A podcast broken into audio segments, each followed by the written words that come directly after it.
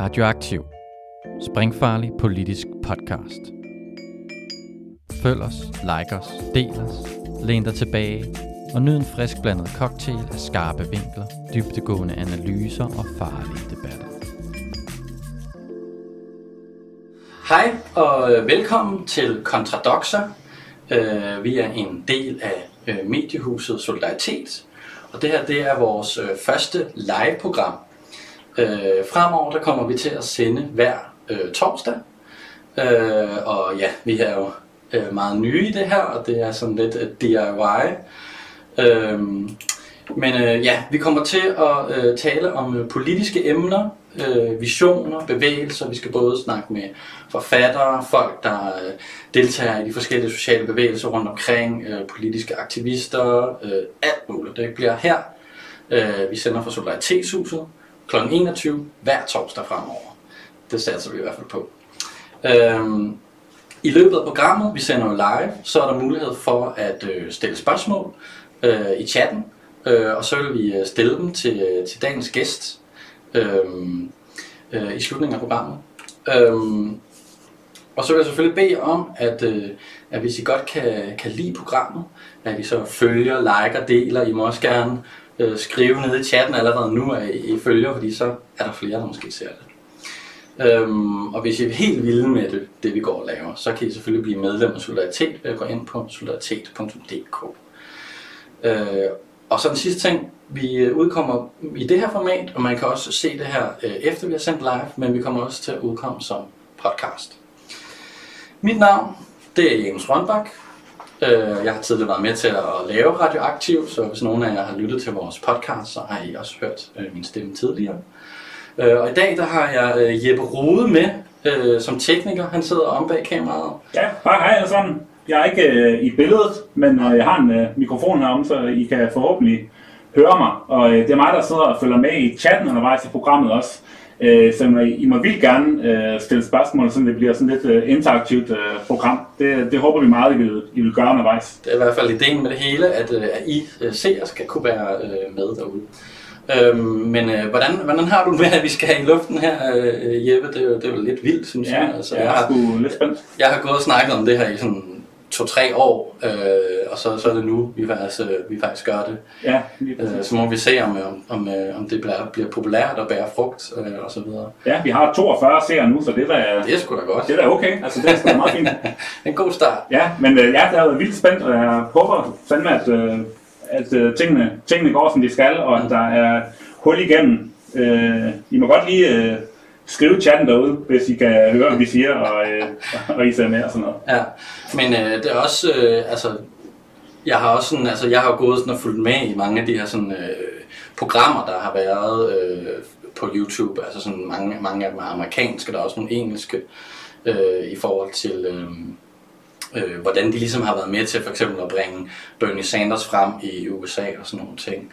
Øh, så, så jeg, synes- jeg synes ligesom, det, det er noget, jeg har, har arbejdet på at få det her i gang, fordi jeg tror, at det faktisk kan, kan også give et, et spark til venstrefløjen, at, øh, at vi ligesom øh, faktisk øh, får et, et live-program på den Ja. her. Så. Charlotte, hun skriver, om ikke vi vil skrue lidt op for lyden. Det er dig, der har lyd. Vi skruer lidt op for lyden. over hos dig, Janus.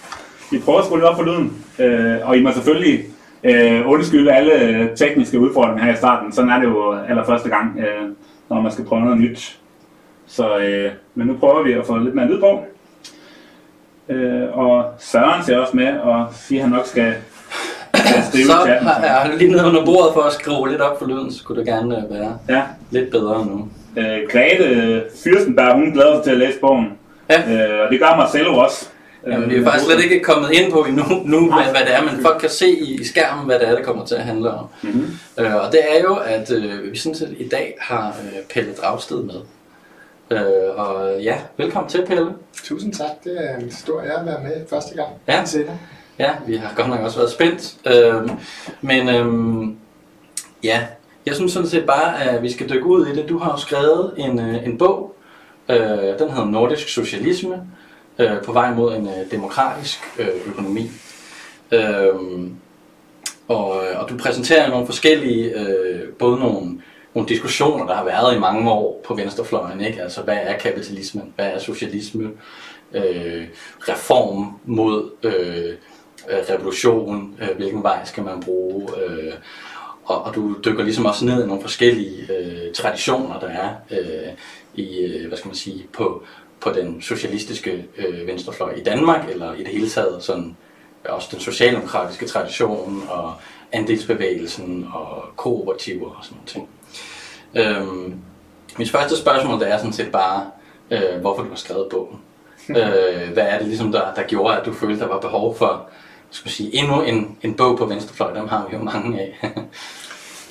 jeg synes egentlig ikke, vi har så mange, øh, skriver så mange bøger på venstrefløjen. Mm. Øh, det kan godt være, det var i 70'erne, vi gjorde det. Det blev der måske gjort tidligere, øh, og, øh, og de, i den udstrækning, der er blevet skrevet nogle bøger, så har de ikke rigtig, synes jeg, vendt sig så meget ud mod, øh, mod verden. Øh, og, øh, og de har måske også øh, meget været øh, sådan samfundskritik, øh, mere end måske også at prøve at komme med nogle klare bud på, hvad, hvad det er for et samfund, vi gerne vil, vil, vil udvikle.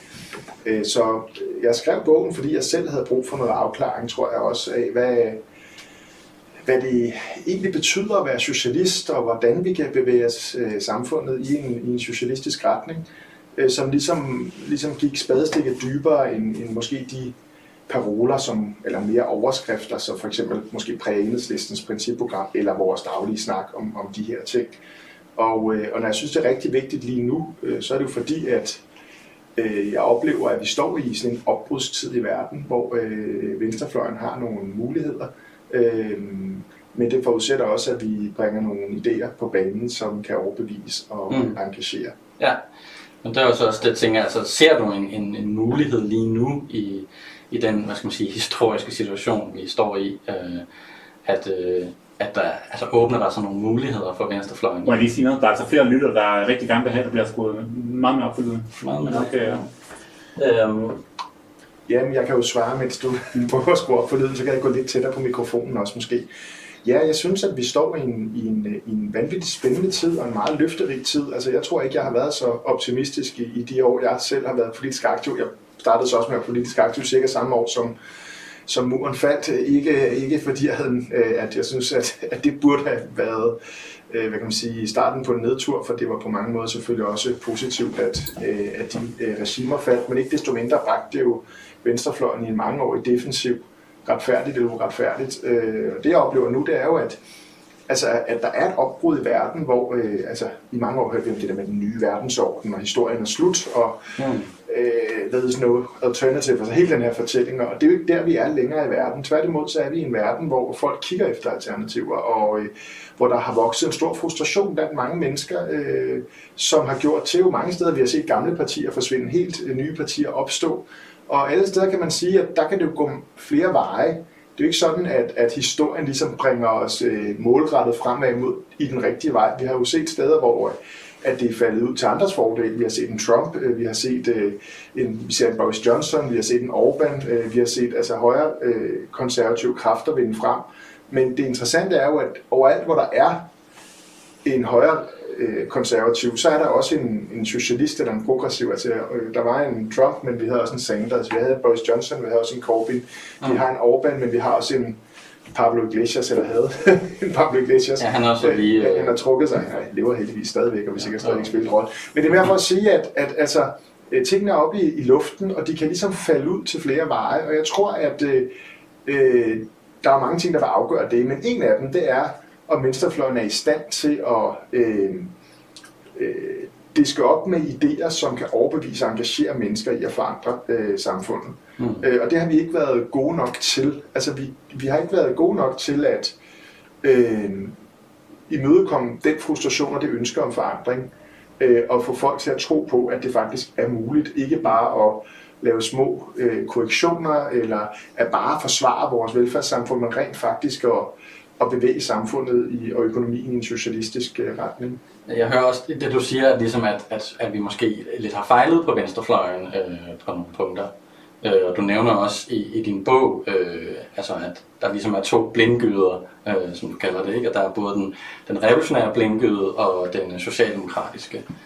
Øh, og jeg tænker, at vi skal snakke lidt om begge to, men, men først, altså, hvad, hvad er den socialdemokratiske blindgyde? Hvordan, hvordan er det ligesom blevet en blindgøde? Man kan jo sige, at det socialdemokratiske sådan, historiske projekt, i hvert fald fra efterkrigstiden og frem, det, det kan man vel, øh, sådan, hvis man skal skære det helt ind til benet, øh, beskrive øh, i, i, i den her formular.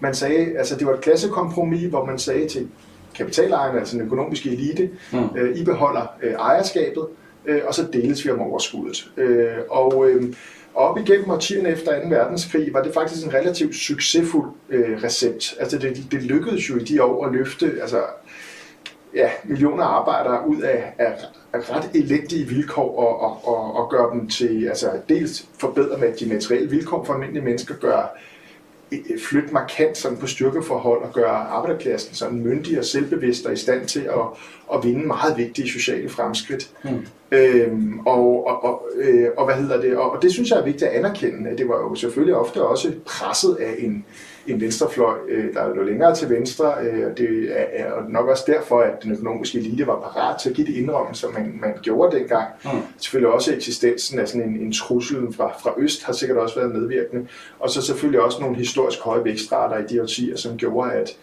øh, kapitalejerne, om så må sige, nemmere kunne give indrømmelser uden selv at få antastet deres mm. profit.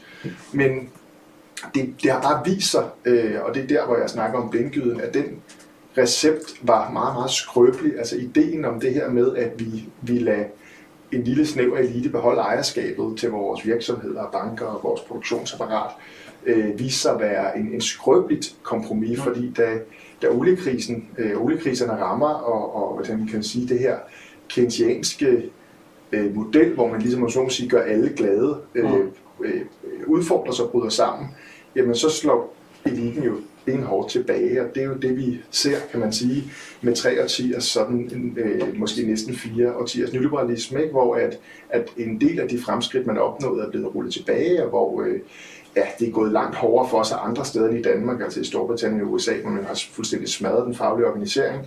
Øh, men i Danmark har vi også oplevet tilbageslag. Altså det er jo så, altså mine børn vokser op med ringere sociale rettigheder, end, end jeg gjorde. Men det er det, jeg ligesom vil bryde ind med, at det er, at altså, i, også bare i min levetid. Altså, øh, jeg har ikke oplevet øh, fremgang for venstrefløjen i min tid. Øh, jo, jeg har oplevet, at der er nogle bevægelser, der voksede frem her de senere år, og også nogle øh, partier, der faktisk gik ind og fik noget politisk magt, som var venstreorienteret, som ville gøre op med det. Men jeg har, jeg har øh, altid oplevet den her nedadgående kurve for arbejderrettigheder og, øh, og så videre. Ikke? Så, så det er også sådan, det er ligesom der er ligesom brug for sådan en, en ny idé, som, som man ligesom kan se, øh, hvordan det, at, at, der, at der er nogle muligheder øh, fremadrettet. Ikke? Fordi specielt for, for den yngre, yngre generation, så virker det bare som om, at det, det bare er gået ned og ned og ned. Vi har været defensive i mange årtier. Ja. Men min hovedpoint er bare, at jeg synes, at den erfaring viser, øh, og, og, og det er derfor, jeg siger, at Socialdemokraterne løbet ind i en blindgyde, den erfaring viser, at øh, at, at, at hvis man ikke tager fat om, så at sige, om, om det grundlæggende,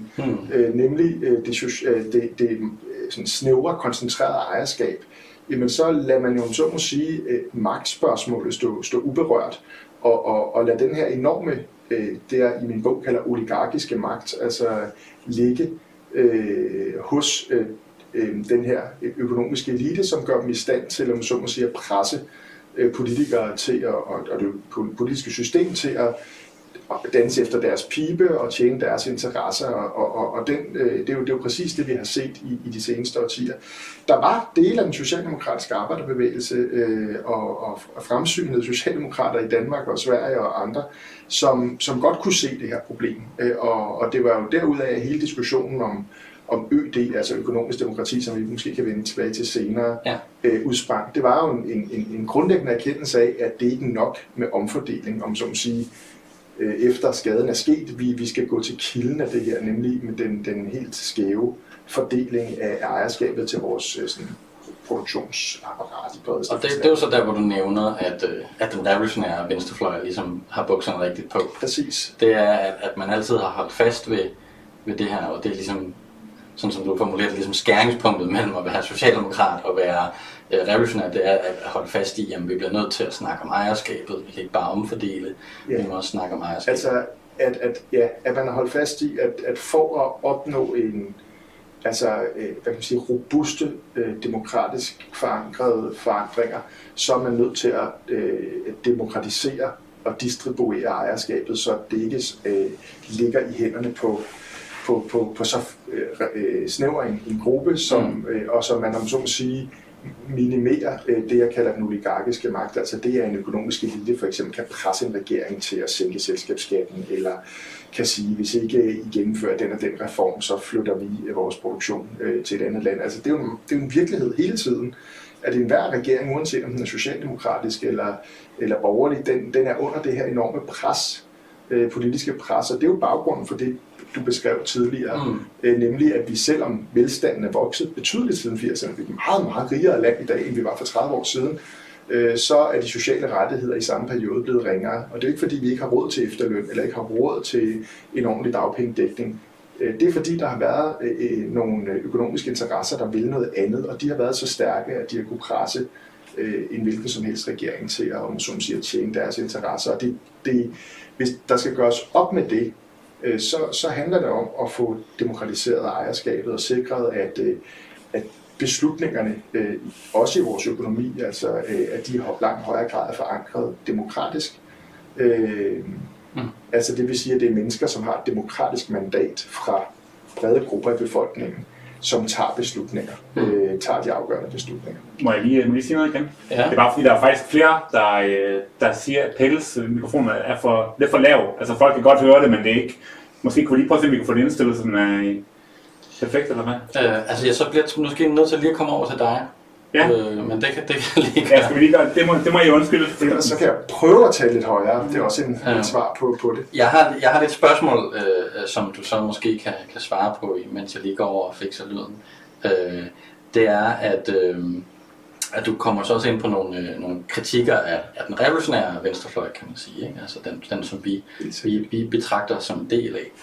Øh, og der kommer du også ligesom ind på det her med, at, at vi måske har fortabt os lidt i, i nogle utopiske tåger. Øh, vi har ligesom betragtet meget øh, øh, samfundet som sådan, så er der kapitalisme, og så er der den her revolution, og så kommer vi ud på den anden side, og så har vi den her gloværdige socialistiske samfund.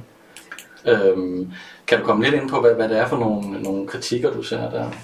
Jamen, altså vi kan i hvert fald konstatere, at, at, at selvom Socialdemokrat, altså selvom, som jeg var inde på før, at jeg jo sådan set mener, at, at den revolutionære tradition eller gren af, af, af venstrefløjen øh, har bukserne på, om man så må sige, i forhold til at, øh, at forstå det her magtspørgsmål, så har man jo ikke været i stand til at, øh, nu forsvandt studieverden, men jeg, jeg taler bare videre til jer derude, så har man jo ikke været i stand til at, øh, Øh, at overbevise et flertal. Det er ikke sådan, at Socialdemokraternes øh, derot mange steder i Europa, men sådan set også i Danmark, har ført til fremvæksten af en enormt stærk venstrefløj, som så overbevise flertallet om, at øh, den anden vej. Og, og, og det må vi selvfølgelig spørge os selv, hvorfor. Og, og det jeg peger på er, at øh, jeg tror øh, i høj grad, det skyldes vores forestillinger om, hvad samfundsforandring enten skal Øh, altså dels øh, forestillingen om, om det her sådan, øh, revolutionære brud, øh, som jo dels bygger på, synes jeg, en ret fejlagtig statsopfattelse, øh, som, som har præget venstrefløjens tænkning, hvor, øh, hvor man, om så må sige, har, har blandet, øh, det synes jeg, det parlamentariske demokrati sammen med kapitalisme og sagt, det var ligesom en, en politisk form, der tilhørte den her øh, produktionsmåde, og øh, at der var ligesom en højere form for, for demokrati, og derfor måtte forandringen til socialisme gå gennem en eller anden form for sammenbrud af den eksisterende stat, og så skulle der opbygges en helt ny stat. Øh, og øh, øh, man kan sige, at altså, erfaringerne med den form for, for, for, for brud er jo, er jo ganske ringe. Altså, det har sjældent ført til, hvis nogensinde, måske enkelte gange i, i, i det globale syd, men sjældent ført til, til den slags sådan, egalitære samfund, socialistiske samfund, som, som måske var hensigten. Øh, og det tror jeg i en eller anden grad øh, ikke bare, altså det har vi med at sige, nej, men det var fordi, at øh, de forkerte mennesker inde på magten, hvis bare det havde været Trotsky og Stalin, som havde vundet magtkampen, eller, eller vi øh, siger, at det var fordi, at Sovjetunionen var øh, øh, underudviklet og, og så videre, så videre. Og, jeg, jeg, jeg, og, og det, nogle af de forklaringer kan have en værdi, men jeg tror også, vi er nødt til at spørge os selv, om, om der i selve den forestilling og det fravær af legalitet, som opstår i forbindelse med den type brud, ikke øh, er en risiko for, for det her. Øhm, øhm, Plus, at, øh, som jeg også skriver i bogen, at jeg tror, at i et så højt udviklet og, og hvad skal man sige, kompleks økonomi, som den vi har øh, i dag, Mm. øh, hvis man forestiller sig et stort pludseligt brud, hvor øh, øh, hvad kan man sige, ejerskabet til at produktionsmidlerne nærmest skulle skifte hænder fra den ene dag til den anden, så tror jeg, man vil op, opleve et stort velstandstab. Øh, og hvis man samtidig ønsker at have et demokratisk, øh, altså demokratiske forhold, demokratiske valg, øh, så er jeg bange for, at man ikke vil overleve mange valg øh, efter sådan en, en, en forandring. Men øh, det er simpelthen ikke attraktivt. Det er det måske, hvis man lever i yderste armod i SARS-styret i Rusland, men når man lever i et relativt øh, velfungerende samfund, på trods af al den elendighed, som, som der er, og klimatrussel og alt muligt andet, så, øh, øh, så tror jeg ikke, øh, at, at, at forestillingen om sådan et spring ud i det ukendte er, kan er, sige, særlig, er særlig attraktiv. At vi befinder os i en specifik historisk situation, øh, og, og den må vi ligesom tage bestik af, og så må vi måske efterlader den der revolutionsromantiske forestilling, øh, og ligesom sige, jamen det, det passer simpelthen ikke ind til, til den, øh, den historiske situation, vi befinder os i. Ja, det kan du sige. Altså, vi lever jo for det første i et, et, et, et demokratisk samfund. Altså, vi har faktisk lige almindelig valgret, øh, og, og det giver os jo mulighed for at, at bruge de institutioner, som findes til at øh, vinde et flertal og så gennemføre de forandringer, som, som vi ønsker. Øh, så, så, så, altså, øh, så, så det er ligesom grundlæggende min, min kritik. Altså, jeg, jeg, jeg, jeg tror i min bog, jeg sammenligner lidt med, øh, ligesom en, hvis vi skal overbevise folk om at tage med på, på en rumrejse. Jeg har sådan en dialog i bogen, hvor jeg ligesom siger, øh, sådan, jamen, øh, vi er på vej til månen, skal du med? og så, så ja, bum, bum, altså, altså, øh, hvad, hvad, hvad har I sådan styr på, hvad vi skal leve af deroppe, og hvordan øh, det skal fungere? Ah, nej, det, det finder vi ud af på vej derop. Det er fremtidens mennesker, der skal skabe, skabe fremtidens samfund. Ikke? Okay, okay, ja, men altså, er der nogen, der har prøvet det før? Ja, og det gik helt af helvedes til. Altså, det er jo lidt den overbevisningsopgave, vi står med, mm. når vi siger, at vi gerne vil udvikle et socialistisk samfund. Og det, det kan jeg egentlig godt forstå, at folk de tænker, ah, øh, er det lige en tur, jeg har lyst til at, til at tage med på. Øh, og derfor så tror jeg, at den der forestilling om, om det store brud og om kapitalismen, eller socialismen som noget, der kommer på den anden side Mm. af en eller anden form for, for, for, for ja, stor sammenbrud af ja, det hele og staten og, og opbygningen på den anden side, at det grundlæggende spænder ben for vores ønske om en socialistisk udvikling i samfundet. Men så lad os, øh, lad os kigge på, hvor det er, så er du, du ser øh, kimen til, til noget, der faktisk er interessant. Fordi en af dine pointer, der er jo, at, øh, at vi er ikke bare et kapitalistisk samfund, og socialismen er ikke bare på den anden side af et eller andet øh, voldsomt brud. Øh, det handler, det, socialismen er her faktisk allerede, og det det handler om, det handler om mere, øh, i stedet for enten det ene eller det andet, så handler det om Ja. mere socialisme, mindre kapitalisme. Ikke?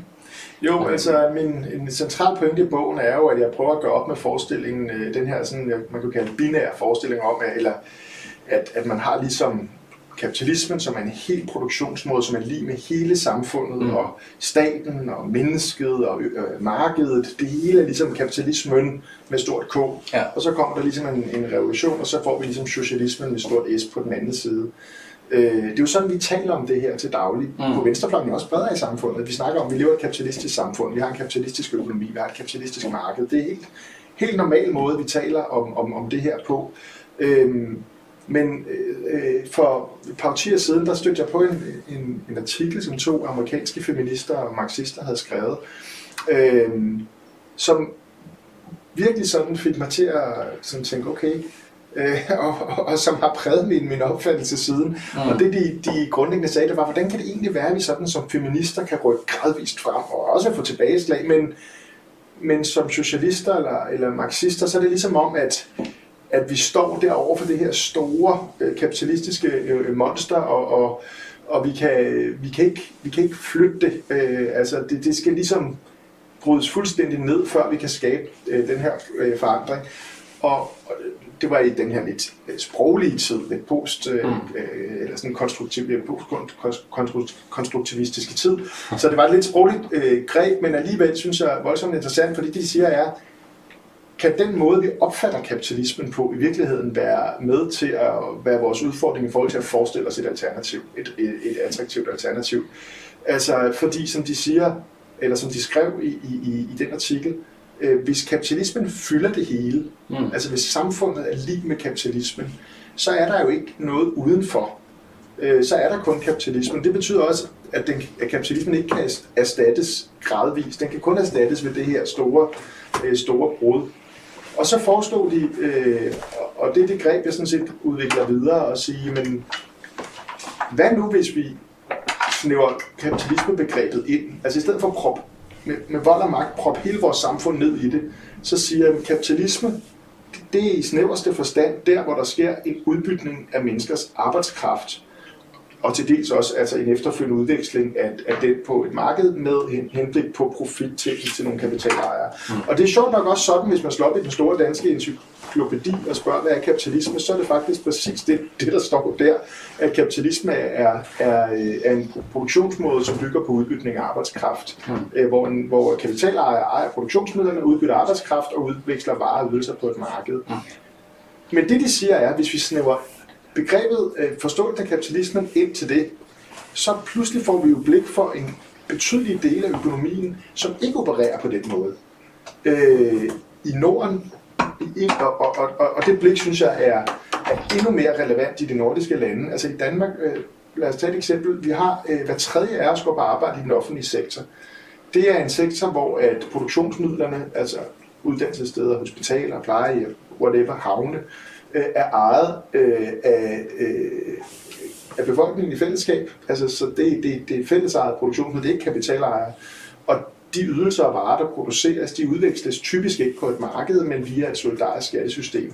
Så har vi altså en betydelig del af vores økonomi, som man sådan traditionelt har sagt, ah, at det er bare kapitalisme, for det er bare reproduktion af arbejdskraft, eller hvad man har sagt. Men som man også kunne anlægge et andet blik på at sige, nej, det er faktisk områder, der øh, øh, øh øh, fungerer udenfor og i en eller anden grad også i opposition til øh, den kapitalistiske ejerskabsmodel. Det er nok også derfor, at vores modstandere har så travlt med at afvikle øh, og privatisere øh, de her områder, for de kan godt se forskellen. Øh, vi har bare været rigtig dårlige til det. Vi har en intuitiv fornemmelse af, at der er en forskel, for ellers ville vi jo heller ikke kæmpe mod privatisering af de her områder. Men vi har ikke været i mine øjne gode nok til at anerkende, at har noget kvalitativt anderledes. Mm. Og, og, og, og, så, så velfærdssamfundet det ene, jeg peger på. Det andet, det er jo det, man kunne kalde den private demokratiske sektor. Og det er jo hele vores andelsejede øh, øh og forbrugerejet sektor. I, Danmark øh, har vi jo ikke så mange, så mange medarbejderejede virksomheder, altså medarbejderkooperativer. Men vi har jo rigtig mange kooperativer. Altså hele vores øh, energisektor, eller store dele af vores energisektor er kooperativt ejet af, af, af kunderne øh, altså brede ejerkredse, som altså vores elnet er typisk ejet af, af alle de, dem, der har en stikkontakt i deres hus, det vil sige mm. alle, alle indbyggere i området. Ja, det er nogle ting, som man ikke lige øh, ved faktisk er, er ejet af forbrugerne. Det er noget, man måske ikke tænker så meget over. Det samme gælder vores vandværker. Altså, de bliver jo drevet typisk af små ko- lokale kooperativer mange steder. Andre steder i byerne er det typisk øh, kommunalt, men stadigvæk demokratisk. Øh, vores fjernvarme bygger på kooperativer. Øh, øh, store dele af vores finanssektor har historisk været demokratisk. Der er stadigvæk betydelige dele, altså andelskasser. Øh, nykredit er faktisk stadigvæk ejet af, af, af kunderne. Der er godt nok blevet lukket noget fremmed kapital ind, men dog minoritetskapital.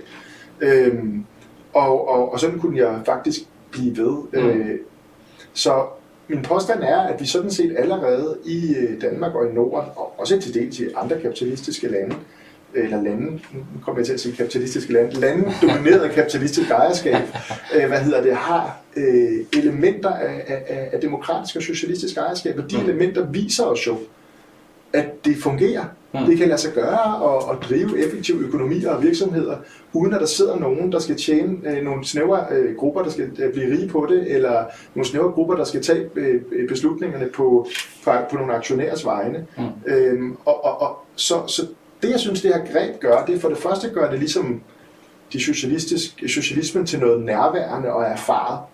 Altså, øh, når man bor i en almen boligforening, eller for den sags skyld en andelsboligforening, så har man jo en, en, en konkret erfaring med at være en del af et demokratisk fællesskab, øh, som ejer og forvalter kapital mm. sammen på demokratisk vis. Hvad hedder det? Øh, og, øh, øh, og for det andet, så synes jeg, at det, øh, så vi hiver ligesom socialismen hjem fra pie in the sky utopi til noget, som, som, som ligesom er tæt på. øh, og som vi kender og er glade for. Altså vores velfærdssamfund er noget, som den største, langt den største del af befolkningen er utrolig glade for. Mm. Og det er jo en form for, for, for virkeliggjort socialisme, i øvrigt også en form for planøkonomi. Det kan vi vende tilbage til, når vi Mm. måske senere skal berøre spørgsmål om, om markedsøkonomi og planøkonomi.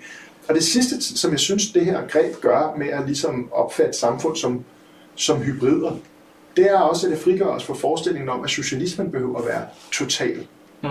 Altså fordi når, hvis vi anerkender, at der i et kapitalistisk samfund kan være nischer øh, og elementer af, af, socialistisk ejerskab, men, men, men med den kapitalistiske ejer, ejerskabsmodel som den helt dominerende for samfundets udvikling, øh, så kan vi vel også forestille os det modsatte, altså et samfund, som, som er domineret af, kapitalistisk, øh, undskyld, af socialistisk ejerskab, hvor det er demokratiet, der sætter den overordnede retning, demokratiske beslutninger, der sætter retningen for, for økonomien, øh, men at der også kan være nischer af, af, af ikke-demokratisk privat øh, ejerskab. Så altså de der diskussioner om, hvor mange øh, stole er det, der skal stå i frisøren, før den skal nationaliseres, øh, som har været venstrefløjen som en, en, Mm. en mare gennem tiden. Dem Ja, kan den med tandbørsten, som bliver nævnt øh, Ja, den har, altid, den, har altid, den har altid været fjollet, fordi venstrefløjen har aldrig Nej, nej. ønsket et opgør med... Men det er en forestilling, der ligesom er... Det er en forestilling, der ligesom er. Så altså, øh, forestillingen om, at samfundet er, hy- er hybrid, der mener jeg bare er mere korrekt. Altså det, det, det, I virkeligheden synes jeg, det andet er lidt, dybest set en lidt doven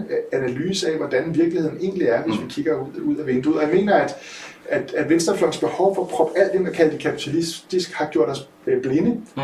over for de, øh, mange af de resultater og succeser, som er skabt mm. i vores velfærdssamfund, i vores andelsbevægelse. Og derfor har vi også svigtet at, at, at forsvare de dele af økonomien. Mm. Altså, jeg kan næsten ikke bære tanken om, at, hvad hedder det, at i, i, i, øh, i 89, øh, mens der stadigvæk var, var socialister, og sikkert også øh, kunne- øh, mig selv kunne have fundet på det, der valgfartede ud for at besøge Albanien og, Mm. Jugoslavien og Kina og forskellige andre øh, lande, øh, så, så havde vi i Danmark en, en, en, en, en finanssektor, øh, hvor, hvor øh, betydelige dele, altså hvis vi snakker realkredit, altså belåningen af huse og, og øh, hvad hedder det, og ejendom i det hele taget, den var 100% non-profit i Danmark indtil Mm. 1990. Mm. Det var ejet af foreninger, demokratiske foreninger eller statslige realkreditfonde. Der var ikke nogen, der tjente penge på øh, husbelåning, eller i hvert fald den del af belåning af hus, der, der var sådan hypoteklånet.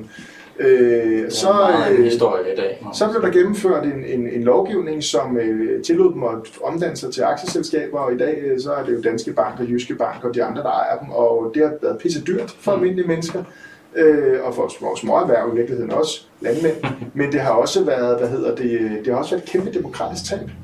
Ja. Og, og, og, og, og, og Venstrefløjen er ikke specielt aktiv med enkelte undtagelser. Holger K. Nielsen var faktisk en lille smule aktiv i, i kampen om, om realkredit øh, Danmark. Men ellers var Venstrefløjen ikke særlig aktiv i at forsvare de her nischer af, af demokratisk ejerskab, fordi man havde den opfattelse, at det var bare kapitalisme. Mm. Og det, det, det synes jeg er, er træls at tænke på. Ja. Nå, Pelle, du, du når at svare på alle mine spørgsmål, for han nåede at stille dem. Så må du hoppe op til nogle andre. men, øh, men jeg synes, det er meget interessant, fordi jeg synes også, det er en positiv fortælling.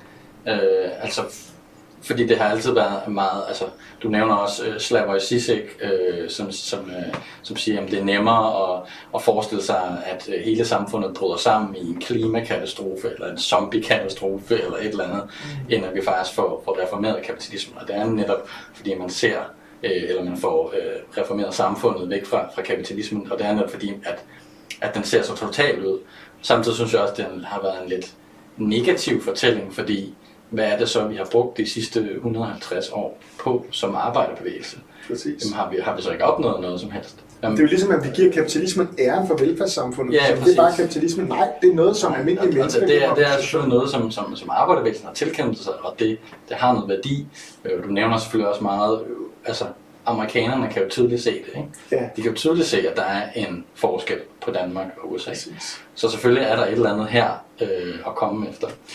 Øh, Ja, det hjælper os med at forstå de forskelle, der er mellem lande, vi kalder kapitalistiske. Ja. Altså når, når almindelige mennesker lever i større tryghed og sikkerhed, og når man ikke har kunne rulle vores rettigheder lige så meget tilbage i, i, i, i Danmark, øh, som mange andre steder i Norden, jamen så handler det også om, øh, øh, så handler det om, at vi øh, er et mere socialistisk samfund. Og det interessante er jo så, at når man, når man så kigger på de her, hvis man nu øh, bruger de her parametre, som for eksempel, hvor stor en del af økonomien, der er fællesejet, demokratisk øh, øh, organisationsgrad og forskellige andre ting, øh, og, og anerkender de nordiske lande blandt de, øh, de mest socialistiske lande i verden, øh, så er det også interessant, fordi det er også blandt de mest velfungerende lande i verden, mest lykkelige lande i verden, altså hvor størstedelen af befolkningen, altså på næsten alle parametre klarer de lande sig jo bedre, og det fortæller os jo, at socialisme, altså at mere socialistiske lande er bedre lande. Mm. Så lad os få noget mere af det. Ja. Øhm, du gør jo så også lidt op med, og det, det, det rejser nok hårene på mange venstreorienterede, altså du nævner, nævner ordet marked, øh, og du nævner ligesom, at det er en form for pluralistisk øh, socialisme. Ikke? Altså, der, er, der er mange forskellige former for ejerskab. Mm. Øh, der er både staten derinde men der er også alle mulige andre. Mm. Kan du skitsere lidt, hvad det er for en, en form for økonomi, du øh, Ja, jeg tror, jeg tror, jeg gerne dele op i to ting. Fordi ja. Øh, de to ting, jeg diskuterer, som jo er de centrale diskussioner, synes jeg, for at forestille sig et samfund, det er jo dels produktionen, altså hvordan mm. vi ejer den, det ejerskab, og så det, man kunne kalde distributionen, og det, det er altså et spørgsmål om, om markedet over for over for planlægning, mm. altså markedsøkonomi over for planøkonomi eller over for demokratisk planlægning. Og hvis vi starter med det første omkring ejerskab, så er du fuldstændig ret i, at, at det, der er mit bud, det er frem for at forestille os, at øh, at socialisme indebærer øh, en, en ophævelse af den private ejendomsret til produktionsmidlerne, og det vil sige en de facto, at staten bliver ejer af alle produktive ressourcer. Det synes jeg ikke er en særlig øh, attraktiv øh, model. Øh, den har ikke vist sig øh, attraktiv. Den, øh, den koncentrerer en ekstrem magt øh, i en central stat. Øh, det, det er jo, synes jeg, en, en pudsig ting i, i den sådan, socialistiske teorihistorie, det her med, at læser man Lenin og Marx, så er det virkelig meget statskritisk. Altså, staten skal visne helt væk. Mm. Øh, det er endemålet. Men men realiteten var jo, at de steder, hvor man prøvede at udfolde den her øh, form for, for, for, for, for økonomisk statsligt ejerskab, så gjorde man jo staten kæmpestor. Øh, og, og, og, og der er et eller andet øh, lidt naivt i at tro, at hvis du skaber en enorm magtfuld statsmagt, som jo også har sit eget byråkrati og sin egen øh, altså, øh, ønsker om at opretholde sig selv, at det skulle føre til afviklingen af staten eller til en mindre stat på længere sigt, det, det, det, det vil jeg gerne se, øh, om så sige, før jeg tror det.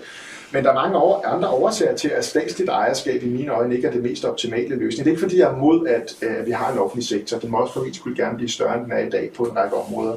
Men forestillingen om, at vi kun har staten som ejer, øh, og selvom man kalder det socialt ejerskab og sådan noget, så vil jeg bare sige, at hvis du ikke har en form for ejendomsret, så er det i sidste ende staten, som er ejer øh, og, og, og, og, og som har øh, hvad kan man sige, magten over, øh, over virksomhederne. Og, og det vil sige også, at, at det, det, for almindelige mennesker bliver det også en meget øh, sådan, hvad kan man sige, distant form for ejerskab. Altså prøv at se, øh, medarbejderne i DDR eller i Sovjetunionen, de opfattede sig jo i ikke i særlig høj grad som ejere eller som øh, at, at de virksomheder, de arbejder i, eller som, som dem, der bestemte, de, de, de, var, de havde nogle arbejdsgiver, ligesom folk, der går på arbejde herhjemme, og det var så arbejdsgiver fra en, fra en stat, som så heller ikke var demokratisk, og det var selvfølgelig et yderligere problem.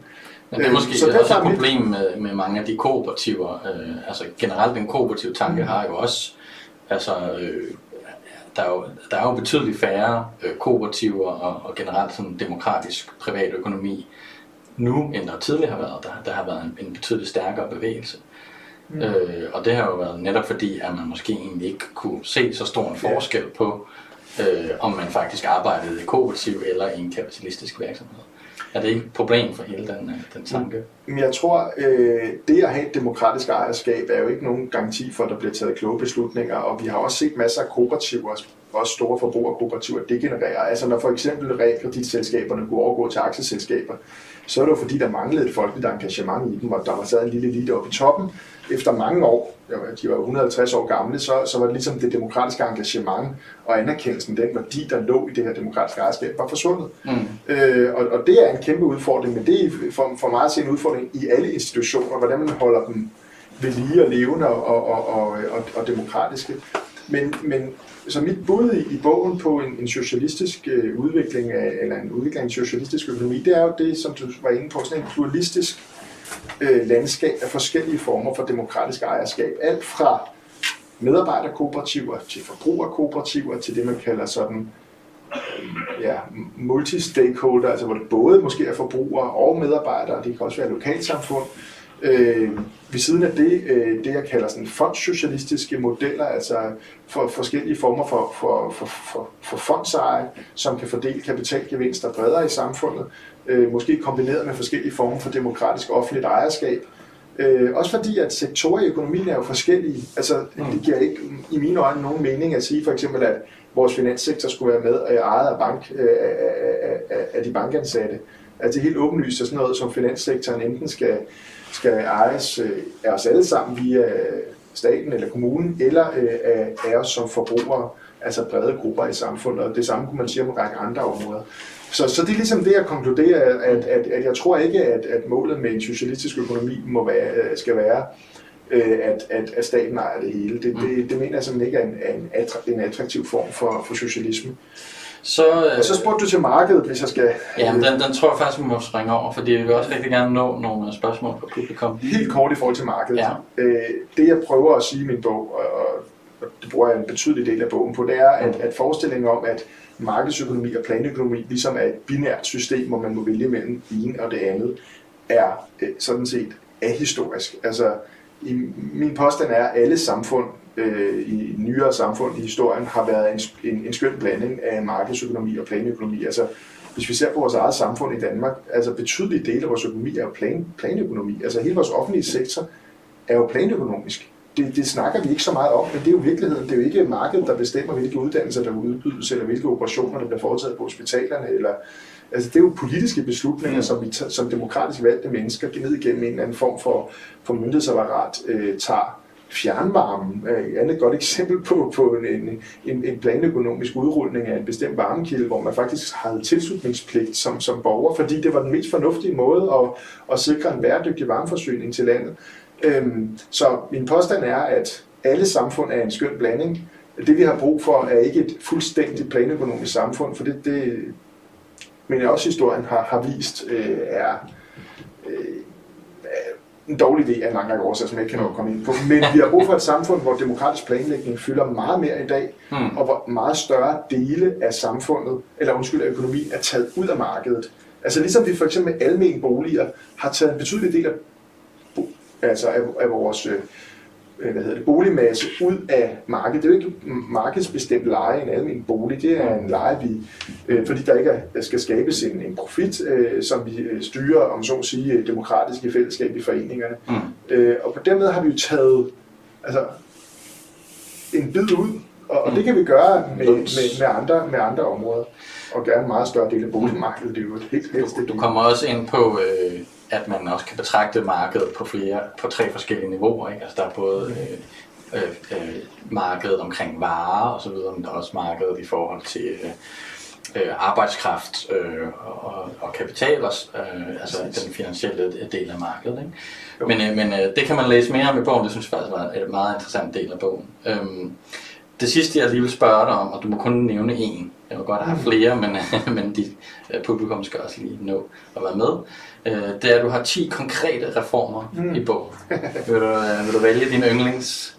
Oh, altså, øhm, de, de er delt op i to grupper. Mm. Øh, langt de fleste af de reformer, jeg foreslår, det handler om at demokratisere og distribuere ejerskabet på, mm. på forskellige måder, jævnfør hvad jeg var inde på før. Altså, det er at fremme kooperativer, det er en sådan ny form for fondssocialisme, som er sådan en form for ØD, men i mine øjne ryddet for de problemer, der var der. Øh, og, Bare lige for at folk med, ØD det er økonomisk demokrati, og det var ligesom en politik, der var fremme i 70'erne. Ja, det er en idé om, at man gradvist overfører ejerskabet i større virksomheder til, til en fond, der ejer medarbejderne mm. på de pågældende virksomheder. Mm. Øh, men et af de forslag, som, som er i virkeligheden måske det mest reformistiske, hvis jeg nu skal sige det, eller som er et forslag, som egentlig ikke går ind og piller ved ejendomsretten, men, men, men som, som jeg synes er interessant, det er forslaget om et tokammersystem i, øh, i større virksomheder. Mm. Det er inspireret af en, en, en belgisk øh, kvinde, der hedder Isabella, Isabel Ferreras, som har øh, stillet det her forslag. Øh, delvis også inspireret af, af nogle af de fremskridt, der har været både i Danmark og, og Tyskland og andre steder øh, i, i, i forhold til at, øh, at give, give medarbejderne en vis medindflydelse i virksomhedernes ledelse. Men grundlæggende går det her forslag ud på at sige, øh, okay, dem der investerer kapital i en virksomhed, Øh, Øh, det er jo dem, der har al magten i dag. Det er sådan, vores selskabslov er skruet sammen. Det står som i aktieselskabsloven, at det er aktionærerne, der øh, på en generalforsamling vælger bestyrelsen, der bestyrelsen udpeger direktionen. Øh, nogen tror måske, det er sådan en naturlov, at det er sådan. Det er det ikke. Det er, det er en helt almindelig lov vedtaget inde i Folketinget, som selvfølgelig øh, kan ændres. Så det hun foreslår, det er at sige, jamen, øh, hvad med dem, der investerer deres arbejdskraft? Dem, der faktisk går hen hver dag og øh, ja, sådan set investerer deres mentale og psykiske helbred og øh, kompetenceudvikling og alt muligt andet. Hvorfor skal de ikke have nogen indflydelse? Og så foreslår hun, øh, at man indfører et, et tokammersystem, øh, som gør, at alle afgørende beslutninger skal igennem to kammer. Et kammer, som i dag er valgt af investorerne, og et kammer valgt af, af, af arbejdskraft, altså af arbejdskraftsinvestorerne, altså medarbejderne. Mm. Øh, det synes jeg er et øh, interessant øh, forslag, øh, fordi det på en eller anden måde virker så åbenlyst øh, grotesk, at øh, mennesker som altså aktionærer eller kapitalfonde, som aldrig har sat deres fod på virksomhedsgulvet, øh, at de har større indflydelse øh, over udviklingen end dem, som bruger øh, det meste af deres, de fleste af deres vågntimer i virksomheden. Mm. Øh, og jeg synes, at det er et interessant forslag også, fordi at det måske også kan være med til at løse, du var lidt inde på det før, øh, det her med, at det jo ikke er alle forbrugerejede kooperativer for eksempel, øh, at, mm. øh, at medarbejderne har haft ordentlige vilkår. Vi har også hørt for, for nylig om for eksempel, at Coops øh, lager, øh, der har været lagerarbejder, som er blevet dårligt behandlet, og øh, der har været dårlige arbejdsforhold. Og man kan sige, øh, hvis man ikke mener, at alle virksomheder skal ejes af, af medarbejderne, så er sådan et tokammersystem jo en, en garanti de steder, hvor at man har virksomheder, der ejer for eksempel forbrugere eller småproducenter, som man mm. kender fra, fra Landbrugskooperationen, øh, til at sikre, at, at alle steder, der har dem, som arbejder og skaber øh, værdierne, øh, en, en afgørende stemme. Så der er masser af muligheder for et, øh, et bedre samfund øh, og en anden måde at fordele øh, økonomi på. Men øh, Jeppe, jeg skulle gerne have tændt din mikrofon nu igen. Ja. Har du nogle øh, spørgsmål klar til Ja, det har jeg. Øh, der er... Øh, der er sådan omkring 50 stykker, der har set med på, øh, på Facebook her live, øh, og en 10 stykker på YouTube også. Øh, og øh, sådan undervejs gennem udsendelsen, der er, der er nogen, der har klaget over, hvad hedder det, for dårlig lyd, eller for øh, øh, forskellige tekniske ting, og det, så er der andre, der siger, at lyden er super og sådan noget. Så, øh, øh, okay. Men, men øh, vi, beklager, vi beklager meget til jer, hvor der har været nogle øh, problemer, og vi prøver at, at blive bedre øh, undervejs. Øhm, men ja, der er kommet en del... Det er også være, at de bare selv har glemt at skrue op på lyden, så... ja, det, men der er alligevel flere, vil jeg sige. Okay. Men, øh, nå, men øh, det prøver vi at få fikset. Der, men der er flere gode spørgsmål også. Øh, den første, det er fra, øh, jeg vil fremhæve, er fra Magnus Nielsen, som siger, Hej Pelle, meget spændende at høre, tak. Jeg kunne godt tænke mig at høre lidt mere om dine tanker om den modstand, som vejen hen imod en mere demokratisk økonomi kan tænkes at blive mødt af fra kapitalens side. Mm. Ikke mindst en globaliseret økonomi i form af kapitalflugt og investeringsstrække. Hvor stor en trussel anser du dette som, og hvilke håndtag ser du som centrale til at modgå det? For eksempel kapitalkontroller. Mm. Bedste hilsen Magnus.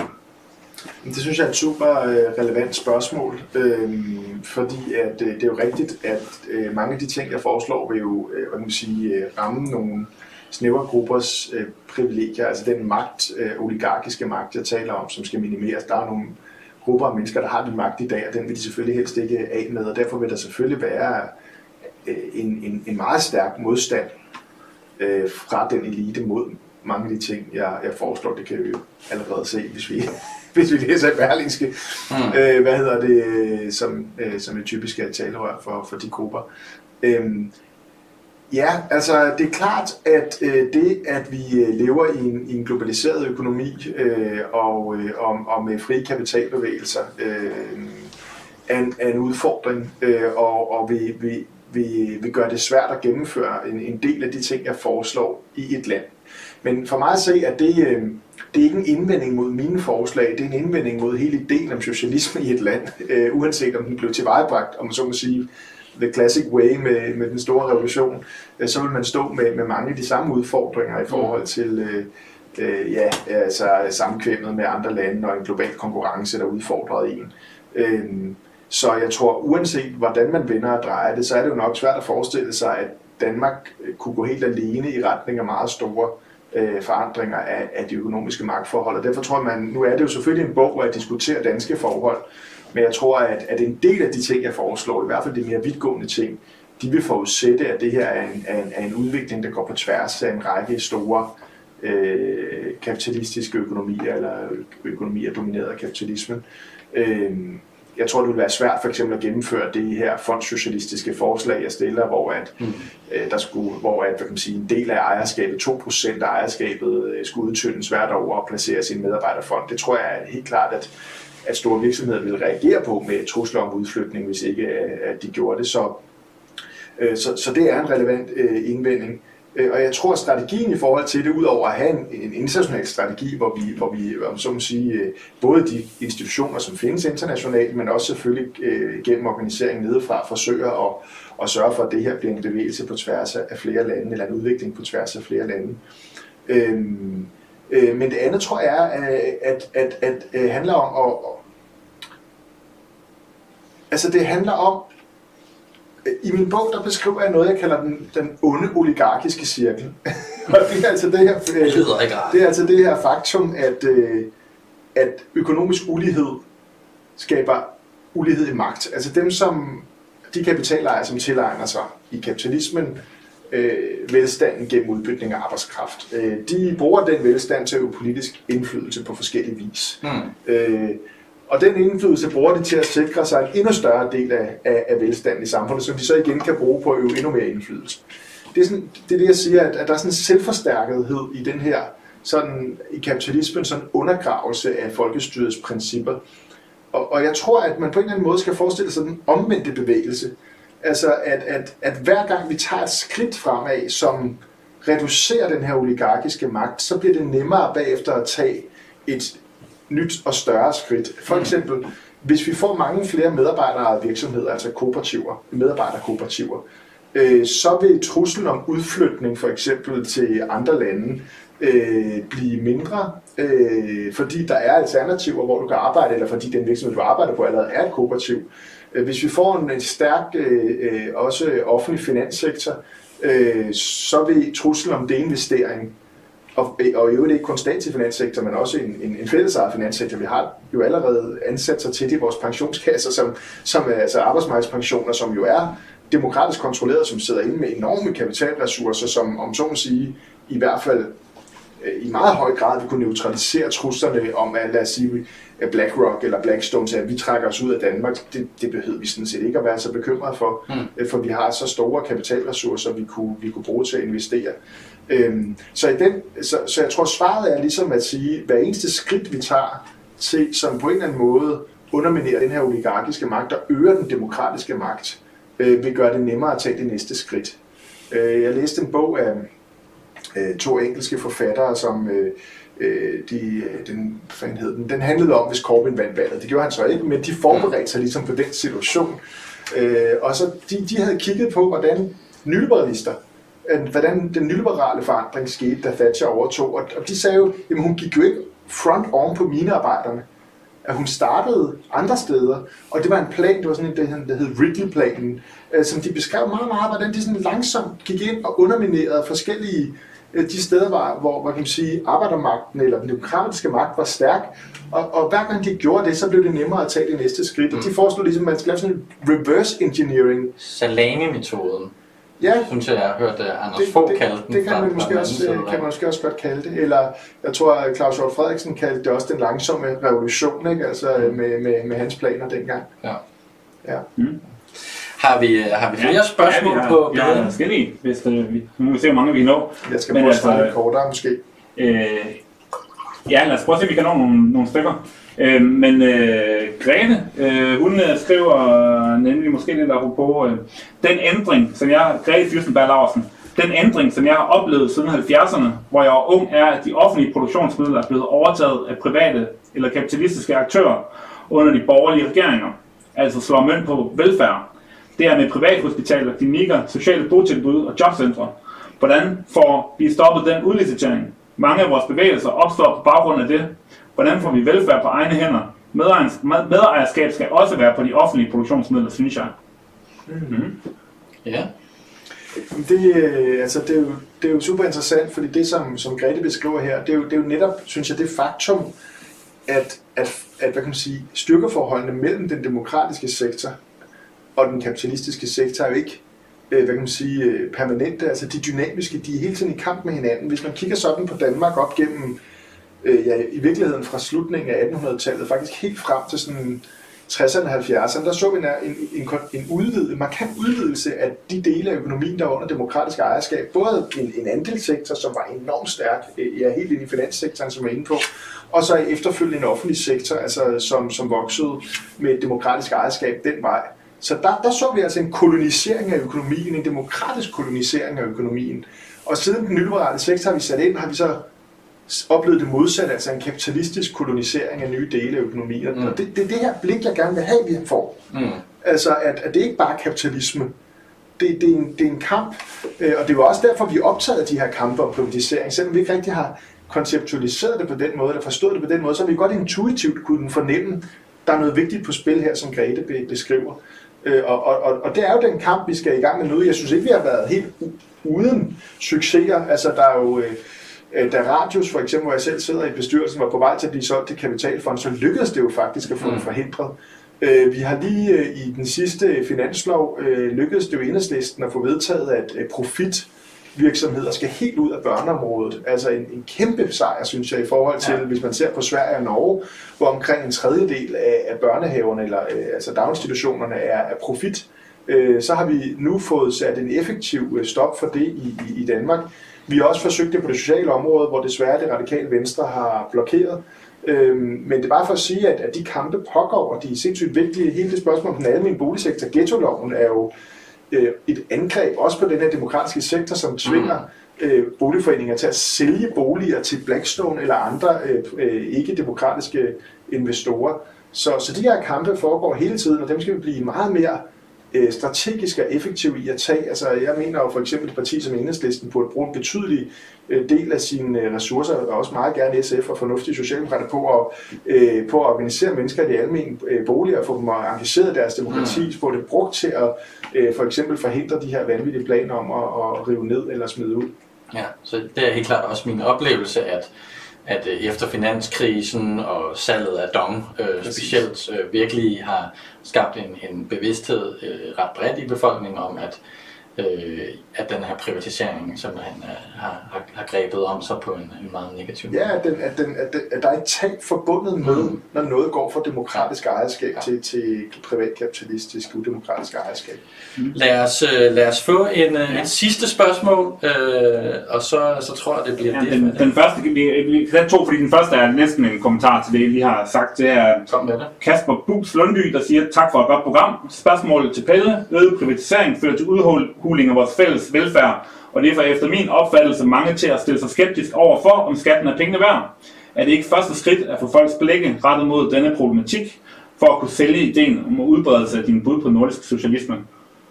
Jamen det tror jeg, som du siger, næsten vi har, har svaret på ja. i, i det foregående. Det, det synes jeg er ja. et rigtig vigtigt perspektiv. Jeg vil bare gerne have, at vi gik fra at kun øh, snakke om at, at sige, forhindre privatiseringer til at faktisk gå den modsatte vej og begynde at rulle demokratisk ejerskab ud på områder, hvor vi ikke har haft det tidligere. Ja, så har vi øh, lige et spørgsmål fra øh, Rasmus Tue Jørgensen. Hej Pelle, nu hvor alle partier i Folketinget har tilkendegivet, at de gerne vil arbejde for mere demokratisk erhverv, er der frit løb mod demokratiseringen af Danmarks erhvervsliv, eller ser der nogle vanskelige forhindringer på vejen derhen? Du har været inde på noget med øh, kapitalflugt og og øh, sabotage, men man kan spørge, kan du se andre forhindringer? Jeg tror, at det øh, Rasmus han henviser til, det er, at det faktisk er lykkedes at samle et bredt flertal i Folketinget. Altså også, også øh, det er Bertel Hård med Bertel Hård i spidsen, en opbakning til ideen om, at den her demokratiske sektor, øh, at den vil man faktisk gerne støtte og gøre stærkere og give bedre vilkår. Og det er jo super interessant. Øh, jeg har nogle gange spurgt mig selv, også inde i Folketinget, hvorfor var det mig, der skulle stå og forsvare demokratiske andelsvirksomheder? For det er i virkeligheden noget, der er vokset ud af landbovenstre, og slet ikke ud af den del af altså den, den, den rigtige liberalisme, den der, ikke den der øh, bank- og, og topskat. Det er meget, det er meget interessant, det nævner du i bogen, det her ja. med, at der også faktisk findes en, en antikapitalistisk liberalisme. Kan det er en af de ting, jeg har været virkelig overrasket over, når man går til kilderne til den tidlige andelsbevægelse, og sådan set også op i, i, i, i, i, 19, øh, i 1900-tallet, så er der en meget eksplicit antikapitalisme. Så, øh, så man kan sige, den del af det, altså det er en af de forslag, jeg kommer med, en, en, en række reformer, der skal gøre det nemmere at starte kooperativer, som skal gøre det nemmere at forvandle eksisterende virksomheder til kooperativer, for eksempel når de nuværende ejere skal på pension, altså lave incitamenter, der gør det attraktivt faktisk at sælge sin virksomhed videre til sine medarbejdere. Den type af ændringer, dem tror jeg sagtens, vi kan gennemføre. Det var det, jeg fik det til at lyde som før, måske fra, da jeg besvarede spørgsmålet, at man slet ikke kunne gennemføre nogle af de forslag, jeg kommer, fordi så vil kapitalen flygte ud af landet. Altså jeg mener, der er masser af ting, vi kan gøre. At vi kan sagtens øh, understøtte øh, fremvæksten af tusinder af kooperativer i Danmark over de kommende fem år, fem eller ti år. Vi kan sagtens etablere en, en offentlig jordbrugerfond, som opkøber øh, jorden frem for at lade den overtage af, af, af kapitalfonde. Vi kan sagtens, øh, hvad hedder det, etablere øh, øh, for eksempel et, et, et meget stærkere kontrol med, med det intellektuelle ejendomsret, som frembringes i offentlige institutioner, jævnfør den der vaccine, som er produceret og udviklet for offentlige penge og offentlige ansatte, som nu er, øh, øh, hvad hedder han, Asger Aumund og Bavarian øh, Nordic har pludselig ejer. Øh, hvad skete der der? Øh, så der er masser af ting, vi kan gøre, som ikke vil føre til øh, kapitalflugt eller andet. Det vil helt klart føre til konflikter og protester, men, øh, men vi kan sagtens gå i gang med at skabe den der socialisme, og det er jo et af de sådan, centrale budskaber i min, min bog. Ja, og øh, det er den her bog, vi har snakket om. Den, øh, den kan købes, den, nu skal vi den her hen, mm. og den kan, kan købes øh, rundt omkring, alle mulige steder, i alle mulige øh, bogforretninger, og ja, i Føtex, og jeg ved ikke hvad. Øh, det synes jeg har set. Der er lige et ja spørgsmål fra en seer. Ja. Lasse spørger, om den kan købes som lydbog. Mm. Det kan den. Den kan både købes som, øh, som lydbog og som øh, e-bog. Øh, og, øh, og jeg har også tænkt mig at komme rundt i, i landet i, i de kommende måneder og, og fortælle om den øh, ved biblioteker og højskoler, hvem der ellers har lyst til at invitere mig. Er det ikke noget med, at den næsten er udsolgt? Eller? Jo, den blev faktisk udsolgt på udgivelsesdagen, øh, og ja, så er der kommet, øh, så er der, øh, er der et nyt oplag, som også er udsolgt nu, og nu er der et tredje oplag på vej, så det er faktisk ret, øh, ret imponerende, eller ret overraskende, synes jeg, at ja. sådan en, en bog om, om, om socialisme åbenbart mm. virkelig har, har, øh, har, altså har ramt en, øh, altså en trang til at, at diskutere øh, vores samfund lidt mere grundlæggende, så det er jo, det er jo fantastisk, at, at ja, hvis det kan sætte gang i en diskussion. Det er mega fedt, hvis det kan sætte gang i en lidt bredere ja. diskussion af, af socialisme. Men øh, ja, det var det for i dag. Og øh, tak fordi, at øh, I vil se med derude i vores første program. Der var lige lidt øh, problemer i starten med ja. lyd, men altså, Øh, ellers synes jeg, det er gået skide godt. Vi skal nok øh, sætte os ned og prøve at evaluere på det og se, hvordan vi kan optimere det. Vi er jo tilbage igen næste torsdag. Det er vi. Næste torsdag, der er vi tilbage, og der kommer vi sandsynligvis til at snakke med en øh, aktivist, øh, som øh, er med i Amager Fælles Venner. Mm. Øh, og det skal vi snakke lidt om, øh, om den kamp derude, så det er, det er lidt mere den aktivistiske kamp, øh, vi kommer ind på der. Øh, og ja, vi håber, at I vil se med næste gang, og, øh, og så håber vi også, at øh, hvis I kan lide det, at I deler det og liker det og alt det jazz der. Øh, og så må I øh, selvfølgelig også gerne gå ind på øh, solidaritet.dk øh, og blive medlem af Solidaritet. Oh ja, inden du smutter, husk nu lige at følge Radioaktiv. Vi er på Facebook, Twitter, på SoundCloud eller i din podcast-app. En række af vores podcasts udkommer også som video på YouTube. Du må også gerne dele os med dine venner. Hvis du er ellevild, så kan du gå ind på solidaritet.dk og blive medlem af vores medie.